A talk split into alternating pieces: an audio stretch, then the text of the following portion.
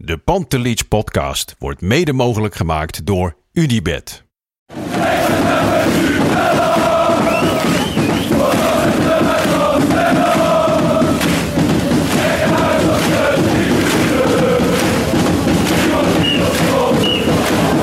Het laatste fluitsignaal. Er zal na afloop wel gemopperd worden door wat Ajaxide.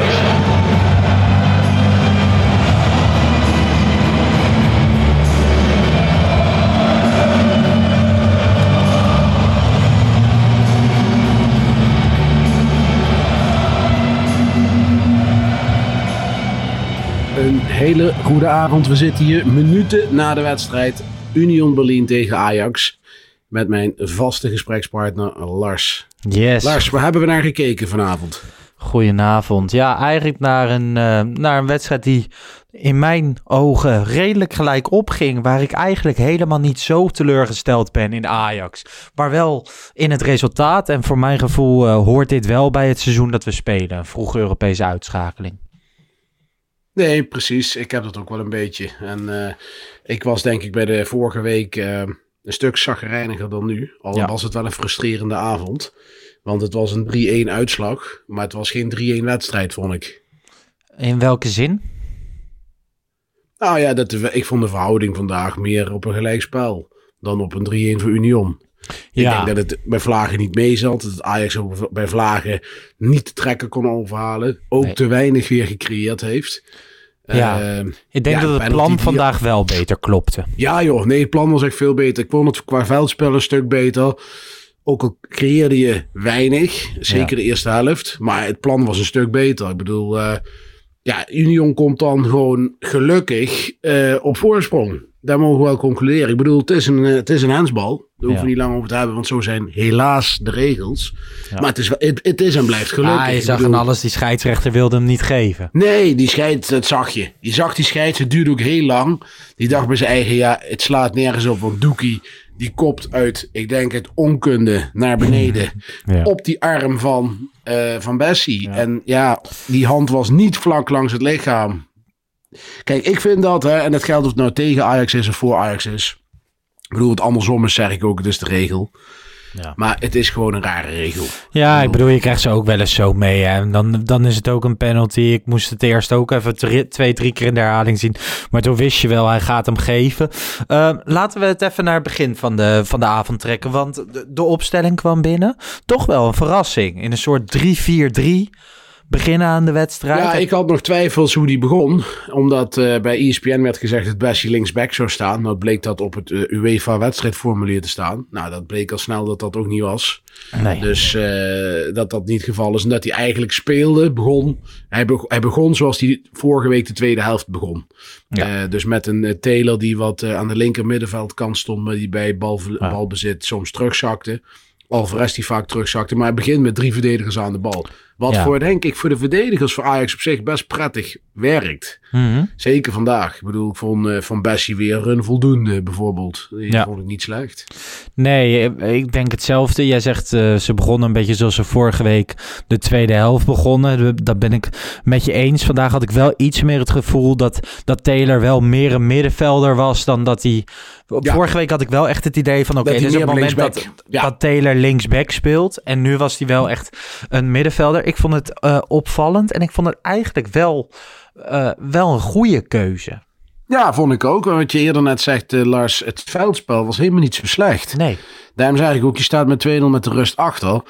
En je denkt eigenlijk bij jezelf van, hoe kan dit? Want je zit naar een wedstrijd te kijken die, Ja. ja, waar qua voetbal Ajax veel beter is. Weliswaar tot 20 meter van de goal van Union. En Ja. Ajax creëert weinig, maar het was wel frisser. Het ging scherper. Het, de bal ging sneller rond. Er werd sneller van kant gewisseld. Vanuit achteruit werd er, werden de pa gedurfde passes gegeven.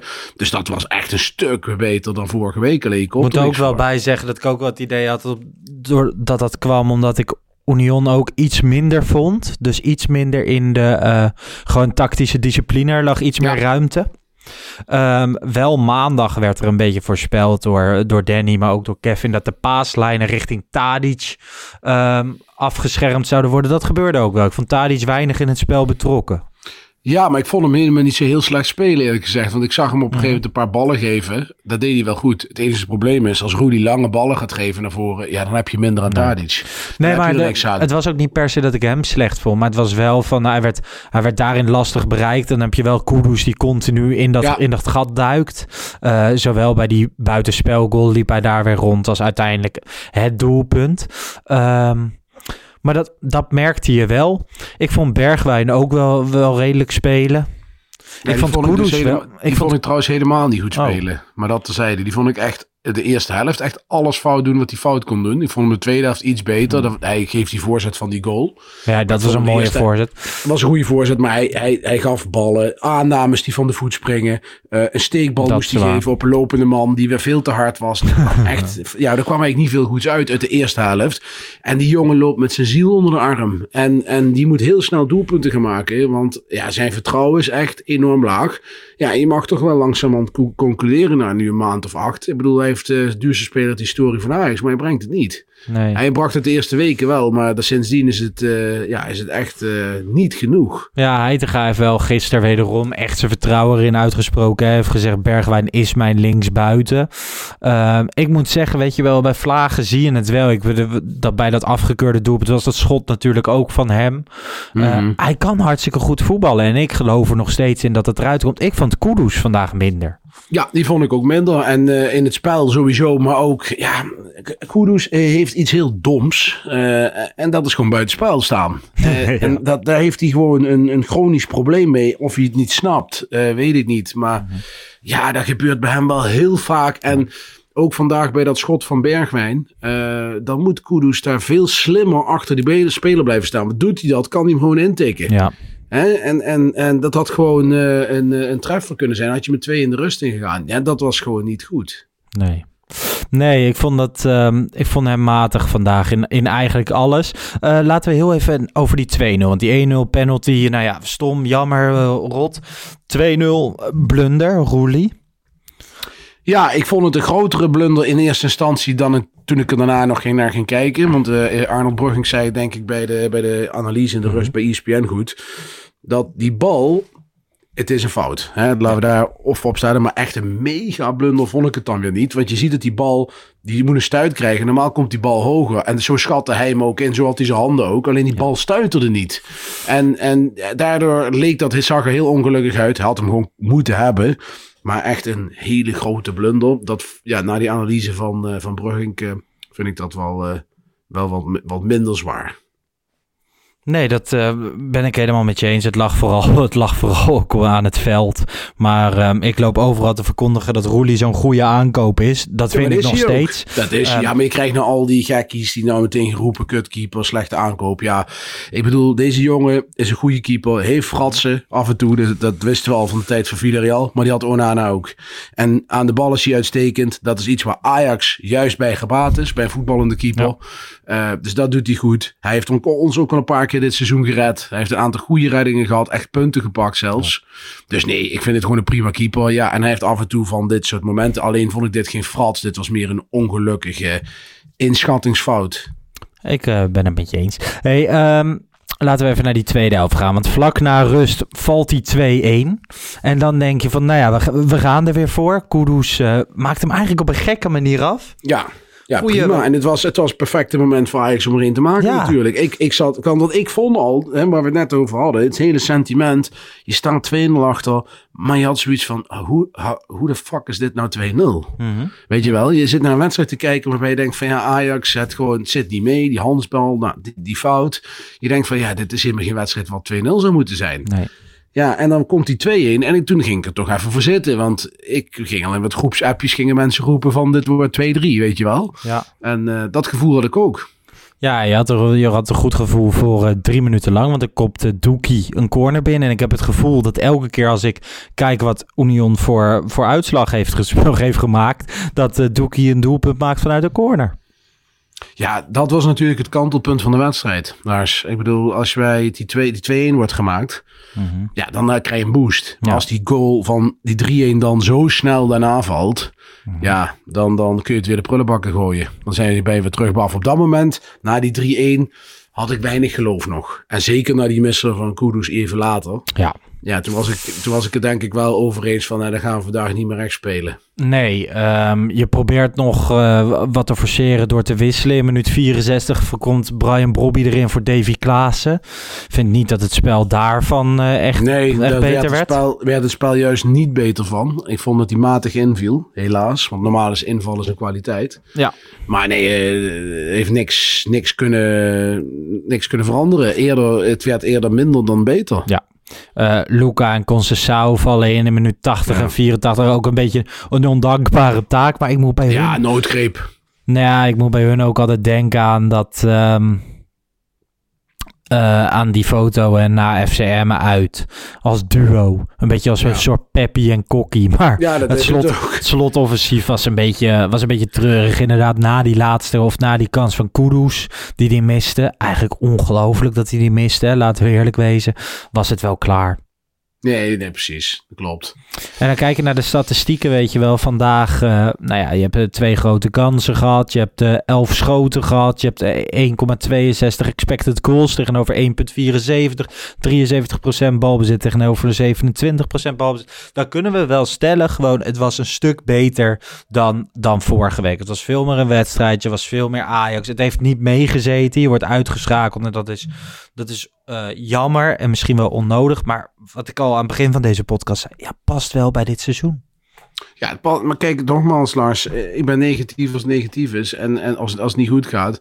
Ik vond het vandaag qua resultaat teleurstellend. Maar mm. qua spel denk ik van ja, ik heb nog alle vertrouwen in de, de competitie recht gaan breien. Ja, ik, uh, dus dus, ik, dus ik, bedoel, ik bedoel, ja, dit is lullig en je wil niet zo'n team als Union, Berlin, uh, Union Berlin uh, uitschakeld worden. Al moet ik zeggen, is dan tweede in Duitsland. Ja. Maar ja, ik bedoel, gewoon een prima, gewoon een, een, een, een, een aan de bal acceptabel Ajax te zien. Met ook zeg maar de spelprincipes die je graag wilt zien. Daar was vorige week donderdag helemaal niks van over. Dus, en er was ook geen durf, geen, geen frisheid, niks. Dat was er vandaag wel. Nou ja. Nee, vorige, vorige keer was het echt gewoon een beetje on, uh, onmacht of zo. Ze wisten niet wat ze, wat ze moesten. En dat was nu, uh, dat was nu inderdaad ja. niet. Zondag tegen Vitesse, de competitie gaat door. Er staat uh, Ajax, daar staan we er redelijk goed voor inmiddels. Dus wat dat betreft uh, positief. Maar ja, Europees kan je wel concluderen al met al een teleurstellend seizoen. Ja, nee, een heel matig seizoen. Champions League was natuurlijk heel matig. En, en Europa League uiteindelijk ook heel teleurstellend tegen Union Berlin. Ja. Dus ja, nee, geen goed seizoen. Voordat we naar uh, het wedstrijdwoord gaan, nog heel even naar het opstootje in de allerlaatste minuut. Alvarez pakt een rode kaart. Nu ga ik ervan uit dat hij volgend seizoen weg is. Maar mocht hij de voorrondes van de Champions League missen door dit, dan is dat gewoon ontzettend dom, toch? Ja, het is sowieso niet een hele slimme speler. Want ik zag hem vandaag ook weer iemand in het strafschopgebied uh, neerhalen. Ja, er zijn scheidsrechters die hem op de stip leggen. Overigens ja, had Ajax ik vond dat geen penalty hoor, maar ik snap wat je bedoelt. Overigens hadden we gewoon ook uh, een penalty kunnen hebben.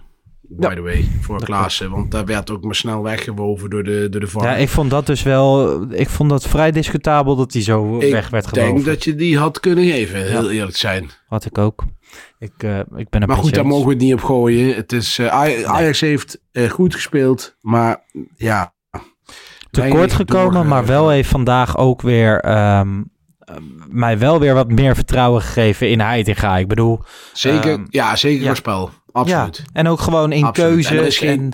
en uh, goede oplossingen, exploits weten te vinden op de ja. dingen die de tegenstander minder goed kan. Dus wat dat betreft, daar ben ik dan wel ik blij mee. Ik, ik denk ook dat je gewoon mag stellen dat, dat in de competitie kom je niet een team tegen die zo verdedigend kan staan.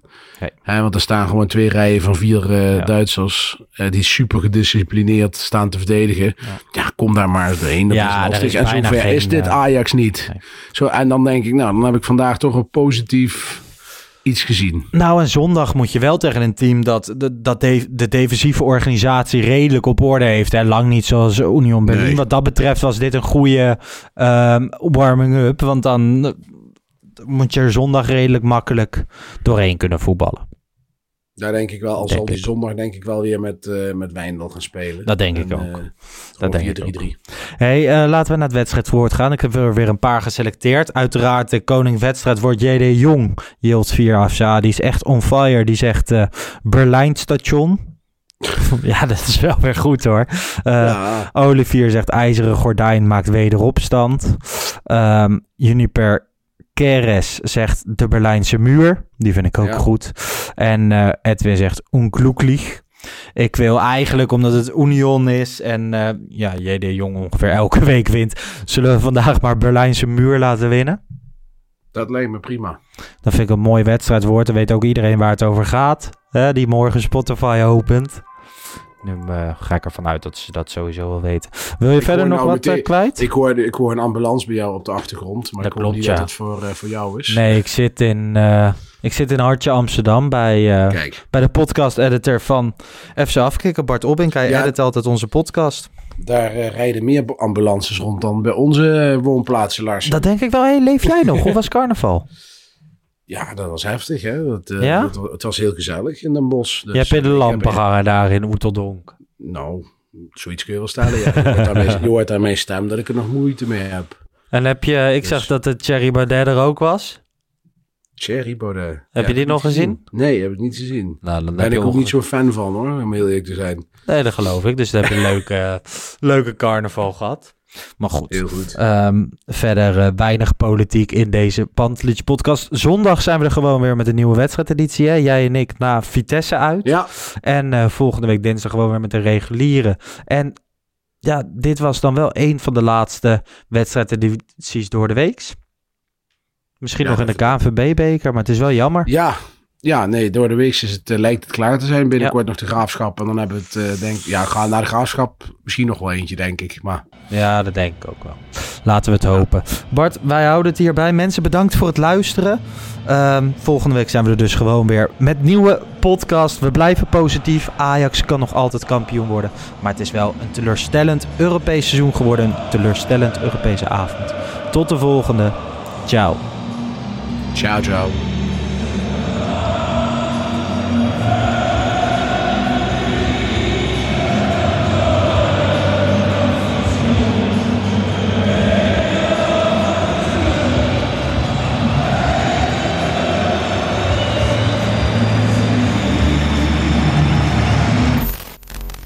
Let's go Ajax.